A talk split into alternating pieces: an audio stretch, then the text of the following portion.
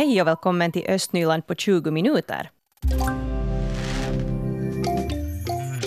Månne någon av er har sett en totempåle någon gång? Det är ju kanske inte så vanligt att man nu stöter på sådana.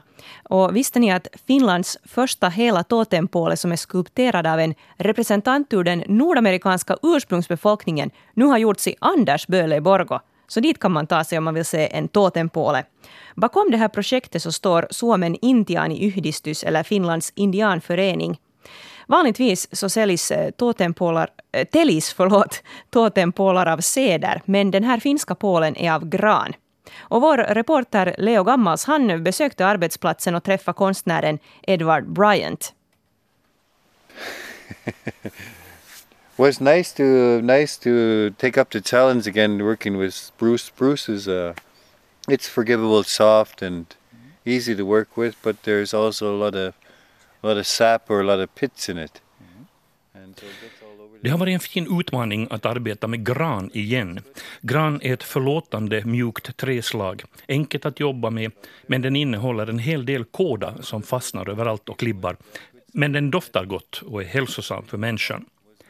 Säger konstnären Ed Bryant. It was a good wood. It was a good piece of wood. It had a good spirit in it. So everything came out. wasn't complicated. Gave its life to to breed in the animals that it has on here now. So that's that's the main thing. Ett bra träd med en god energi i sig så att all vätska rann ut utan problem. Den gav sitt liv för att andas in alla djur som den nu har på sig. Och det är huvudsaken. Säger konstnären Edward Bryant, som arbetat med trä i hela sitt liv. Han hör till den nordamerikanska ursprungsbefolkningen till Tsimshan-folket vid den kanadensiska västkusten.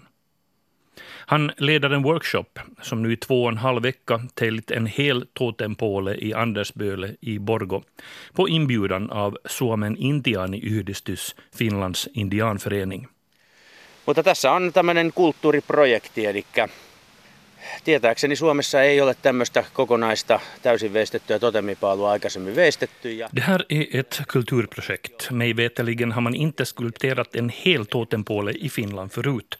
Jag har känt konstnären i nästan 20 år och under de senaste två, tre åren har vi planerat att tälja en riktig totempåle eftersom det inte ens finns en sådan i våra museisamlingar. Alltså en sån som skulle ha skulpterats av indianer. Men nu blir en klar säger Riku Hämäläinen som är föreningens ordförande. Han är också docent vid Helsingfors universitet och forskar i de nordamerikanska ursprungsfolkens kulturer och traditioner. Den 7,6 meter långa pålen rymmer sex djurfigurer, djur som förekommer både i Finland och Kanada. Uh, we have on the, on the bottom is a bear, which is a a typical um, animal here in, in uh, Finland more more I guess more to the north and that not not so close down to here. På bottnet har vi en björn som är ett vanligt djur i Finland, mer i norr än i söder. Det andra är en korp.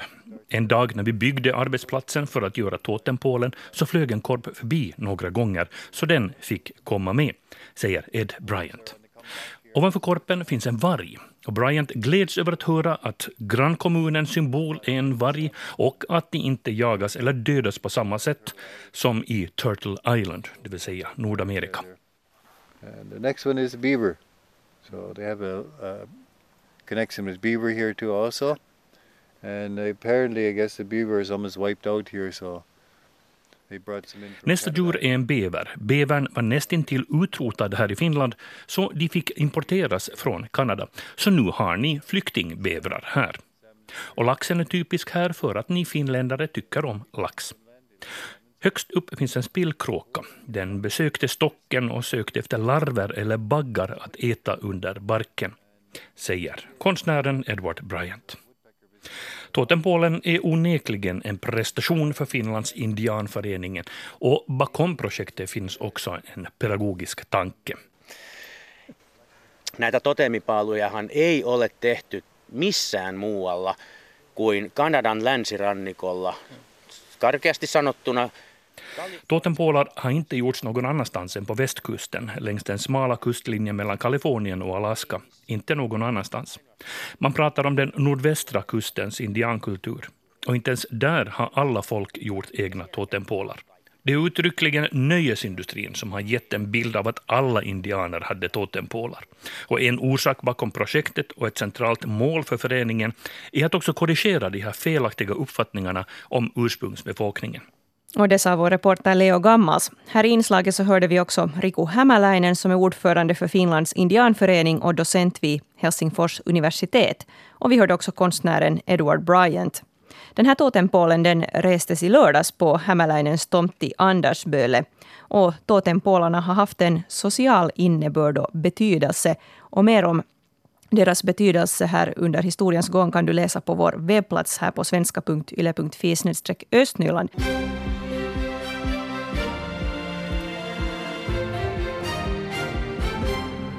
Klockan är halv nio, nu dags för nyheterna från Östnyland med Stefan Härus. God morgon.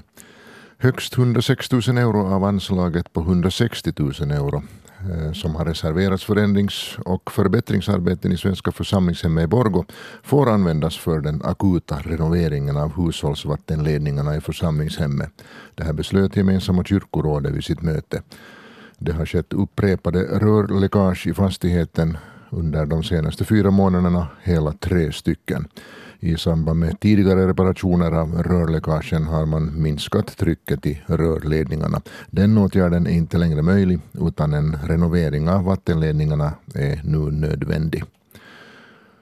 Laminerade parkeringslappar, parkeringsbiljetter på instrumentbrädan eller klistermärken i vindrutan är nu historia i Borgo. Borgostads boende och företags parkeringstillstånd ska nämligen nu köpas via en nätbutik.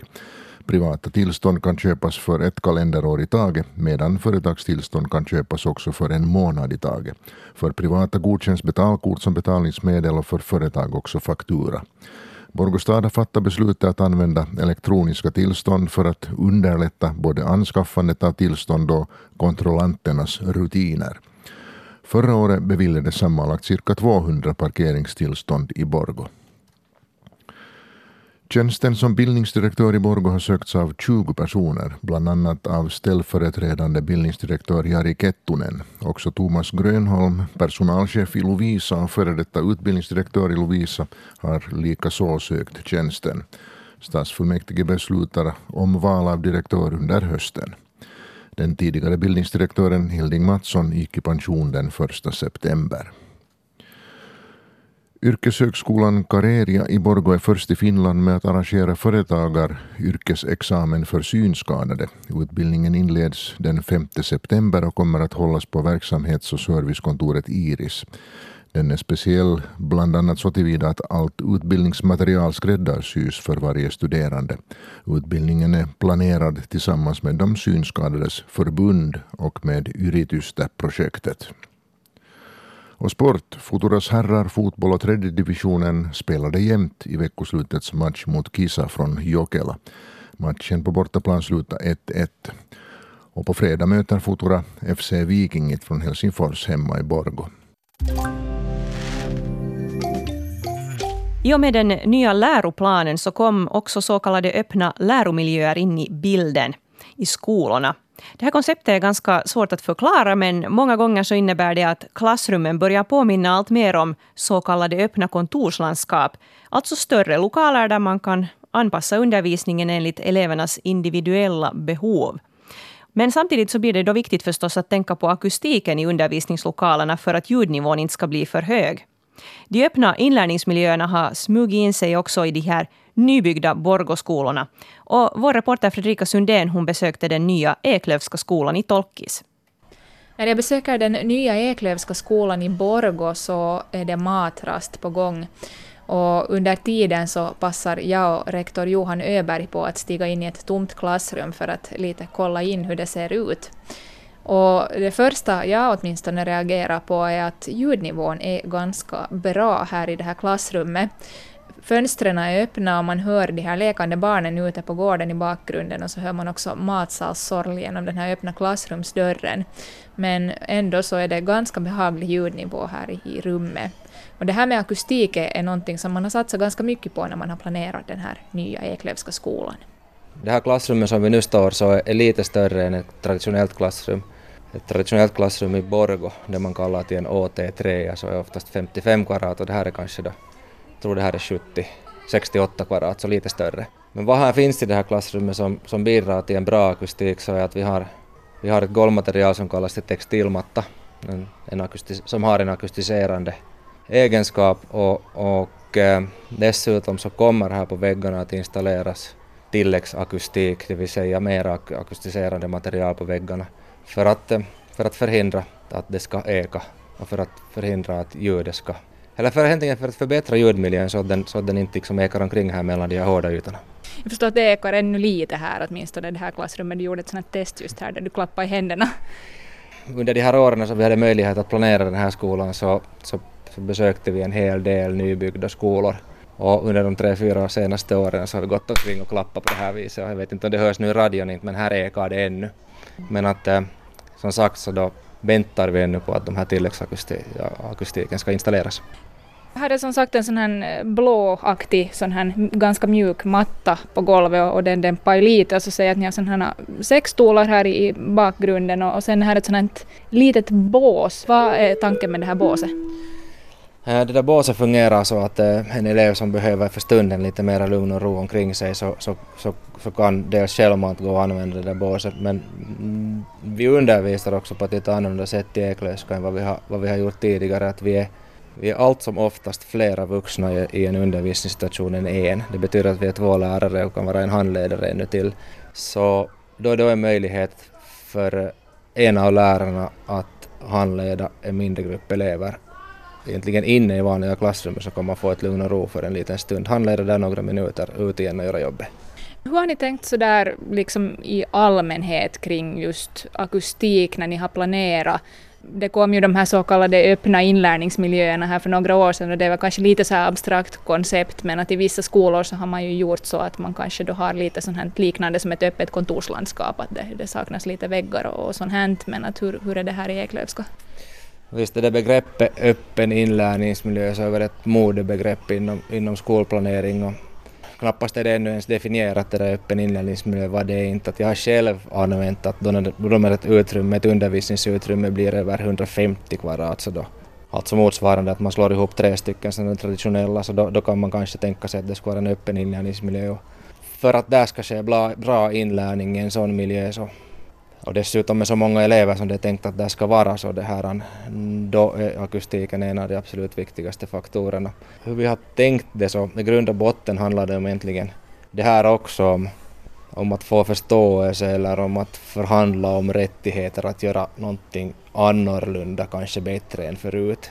Och just akustiken så är så egentligen klassificerad i tre olika nivåer och traditionellt så har man alltid i projektplaner i Borgo utgått från att man, har, man, man förverkligar den här C-nivån.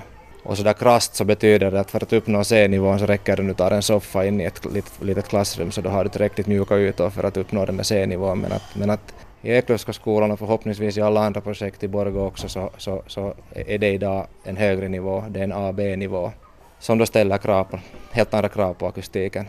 Att det som ska bli intressant för oss här är att, att eh, få göra eftermätningar, hur det här lyckas. Det är sånt som går att mäta. Hur har staden ställt sig till, till de här funderingarna som ni har haft? Nu får jag alltid förbereda mig extra noga inför eller om jag önskar få någonting annorlunda än det varit, varit tidigare. Och det förstår jag, för det är våra skattemedel som vi ska bygga med och det, oftast om man vill göra någonting annorlunda så är det i alla fall utgångsläge eller den där grundinställningen att oho, nu ska det någonting göras dyrare. Um, I alla fall har vi fått ordentligt utrymme, ordentliga möjligheter att göra det där samarbetet. Jag kan inte uttala mig om hur de har förstått det inte men, men det, där, det att vi fick det här att bli en sån A-B-nivå så, så det där är vi glada för och på något sätt är det ju en, ett, en, ett bevis på att vi lyckades. Och där hörde vi rektor Johan Öberg i Eklövska skolan i Borgo. Och det var Fredrika Sundén som var reporter och hon är också morgonreporter idag. God morgon. God morgon, god morgon. Du talar också med stadsarkitekt Markku Partanen om hur stan i allmänhet tänker kring akustik då skolor byggs och renoveras. Vad kunde han säga? No, uh, eh, Johan Öberg berättar ju här i det här inslaget att man tidigare i Borgo har utgått från den här C-nivån när man har planerat akustiken i skolor. Och så där krasst sagt som han sa här så, så betyder det att eh, man i princip då har kunnat ha en soffa i klassrummet och det har räckt för att ytorna ska vara tillräckligt mjuka. Och han sa att nu i Eklövska skolan så har man ju då mm, fått den här AB-nivån där. Och när jag ringde upp eh, stadsarkitekt Marko Partanen eh, i fredags för att kolla hur han tänker kring det här med akustik när man eh, förverkligar skolprojekt så sa han att eh, det stämmer att man tidigare utgick från den här C-nivån, men att nu är läget annorlunda och oftast så är det den här B-nivån som gäller. Men han sa att det finns också två skilda akustikbegrepp. Att ett, en handlar om att man förhindrar att ljudet förflyttar sig från ett rum till ett annat och sen ett annat handlar om att man dämpar ljudnivån i ett visst rum. Och han konstaterar att i sådana här öppna Eh, miljöer eller delade rum så är det ofta svårt att förhindra det här att man då eh, sprider ljudet från en del av lokalen till en annan. Men att, eh, så att där är det ofta den här C-nivån som gäller. Medan sen när det kommer till ljuddämpning så satsar man alltid på den här B-nivån. Och sen då i vissa fall så måste det vara högre, som det till exempel då är, är på vissa ställen där i Eklövska skolan. Och oftast så har man ett ljuddämpande material i, i taket, Äh, men det räcker inte i sådana mera öppna miljöer, utan där har man också just sådana textilmattor som, som vi pratar om också här i det här inslaget. Och sen försöker man ju också då hålla lite koll på gamla byggnader och göra förbättringar där vid behov. Nu ska vi över till det här med koncepttävlingen för Västra Åstranden i Borgo. Ni kommer ju kanske ihåg att en sån här har varit på gång och det ska börja hända och ske där på Västra Åstranden så småningom och området ska utvecklas. Och tre anbud lämnades in av företag och andra aktörer i samband med den här koncepttävlingen. Och den här tiden för anbudsgivningen gick ut i fredags på eftermiddagen. En aktör som vi var med och utvecklade Västra Åstranden det är föreningen Vilenius båtvarv. Och den här föreningen har gett ett anbud gällande det traditionella träbåtsvarvet. Och så här berättar Max Lundell från föreningen. Miljön är ju alldeles utmärkt för att ha ett varv här och sån här träbåtsaktivism och allmänna jippon här också. Det är ju mitt i stan nästan. Nu står vi här på en av de här träbryggorna här, ser på fina tre båtar. Eh, också din båt ligger här någonstans, Max Lundell. En hurdan plats är det här? Det här är ju en bra plats sen jag har haft båt här, så har min båt varit här i 13 år nu så att det, det är trevligt att komma hit och man är liksom i mitten av, av allting och det är en ganska trevlig plats på det sättet. Och här framför oss om vi tittar dit mot Västra Åstranden så, så ser vi ja, de här skyddade båthallarna som, som finns här. Jo, det finns liksom två hallar här nu som, som i huvudsak används för att ha vinterförvaring av båtar och sen ger ju detaljplanen också en möjlighet att bygga en tredje byggnad här som skulle kunna möjliggöra verksamhet året runt. Och nu för ja, att trygga framtiden här när det gäller träbåtar, varv och, och Västra Åstranden har ni bildat föreningen Vilenius båtvarv. Vilken är er vision här? No, vår vision är att föra det här kulturarvet vidare och hålla den här aktiva träbåtskulturen vid liv så att, så att det lämnas någonting för efterkommande generationer också. Att hålla den vid liv, vad betyder det? Det betyder dels att man har en aktiv armada som, som, som, som ligger här både på sommaren och på vintern förutom då när man seglar och sen har man uppbevaring och sen i den här nya byggnaden har vi tänkt att man kan liksom Eh, syssla med då att eh, reparera eller till och med bygga nya båtar om nu någon beställer en ny båt. Det har funnits en lång tradition av att bygga båtar här. Jo, här har ju byggts flera hundra båtar av hög kvalitet och många av dem är ju vi i fullt bruk ännu. För eh, ja, Borgåbor turister, vad skulle det betyda om staden ska godkänna ett anbud? det betyder ju att då kan vi ju börja med den här äh, verksamheten här, att det, målsättningen att det ska vara ett ett kontrakt som är lite längre som möj, möjliggör långsiktig verksamhet här och då, då, då börjar det så småningom och idén är ju att, att gemene man också ska få ta del i vad som här händer. Det är inte meningen att det ska vara en exklusiv klubb för ett tiotal båtägare. Hur ska ni undvika den stämpeln då? No, men det, det, är just idén att här ska ordnas evenemang och också och hålla liksom både öppna ruffar och öppna dörrar. Att det har ju varit ett idé också här att den här nya hallen speciellt skulle vara en sån där man turister och andra intresserade kan se vad man sysslar med. Och kontrasten här med den nya Västra Åstranden som växer upp här, det kommer nya hus här titt som tätt och sen då ett gammalt varvsområde. Vad tycker du om den här kontrasten? Det är ju alldeles bra. Nu kan man ju bygga hus här lite högre upp där dit ån inte svämmar över. Att det här området är ju sånt att, att ån kommer på besök alltid på hösten. Att det, det är inte kanske riktigt lämpligt för något, någonting annat. Vad hoppas du nu ska hända? No, nu hoppas vi att vi för en konstruktiv dialog med staden, att vi når en lösning som vi alla är nöjda med och att vi kan fortsätta här. Och vi hörde här Max Lundell från eh, föreningen Vilenius båtvarv som vi var med där och utvecklade Västra Åstranden och det var Mikael Kokkola som hade talat med honom. Östnyland på 20 minuter är en svenska YLE-podcast. Det finns flera poddar på arenan. Jag heter Katarina Lind. Tack så mycket för sällskapet. Vi hörs!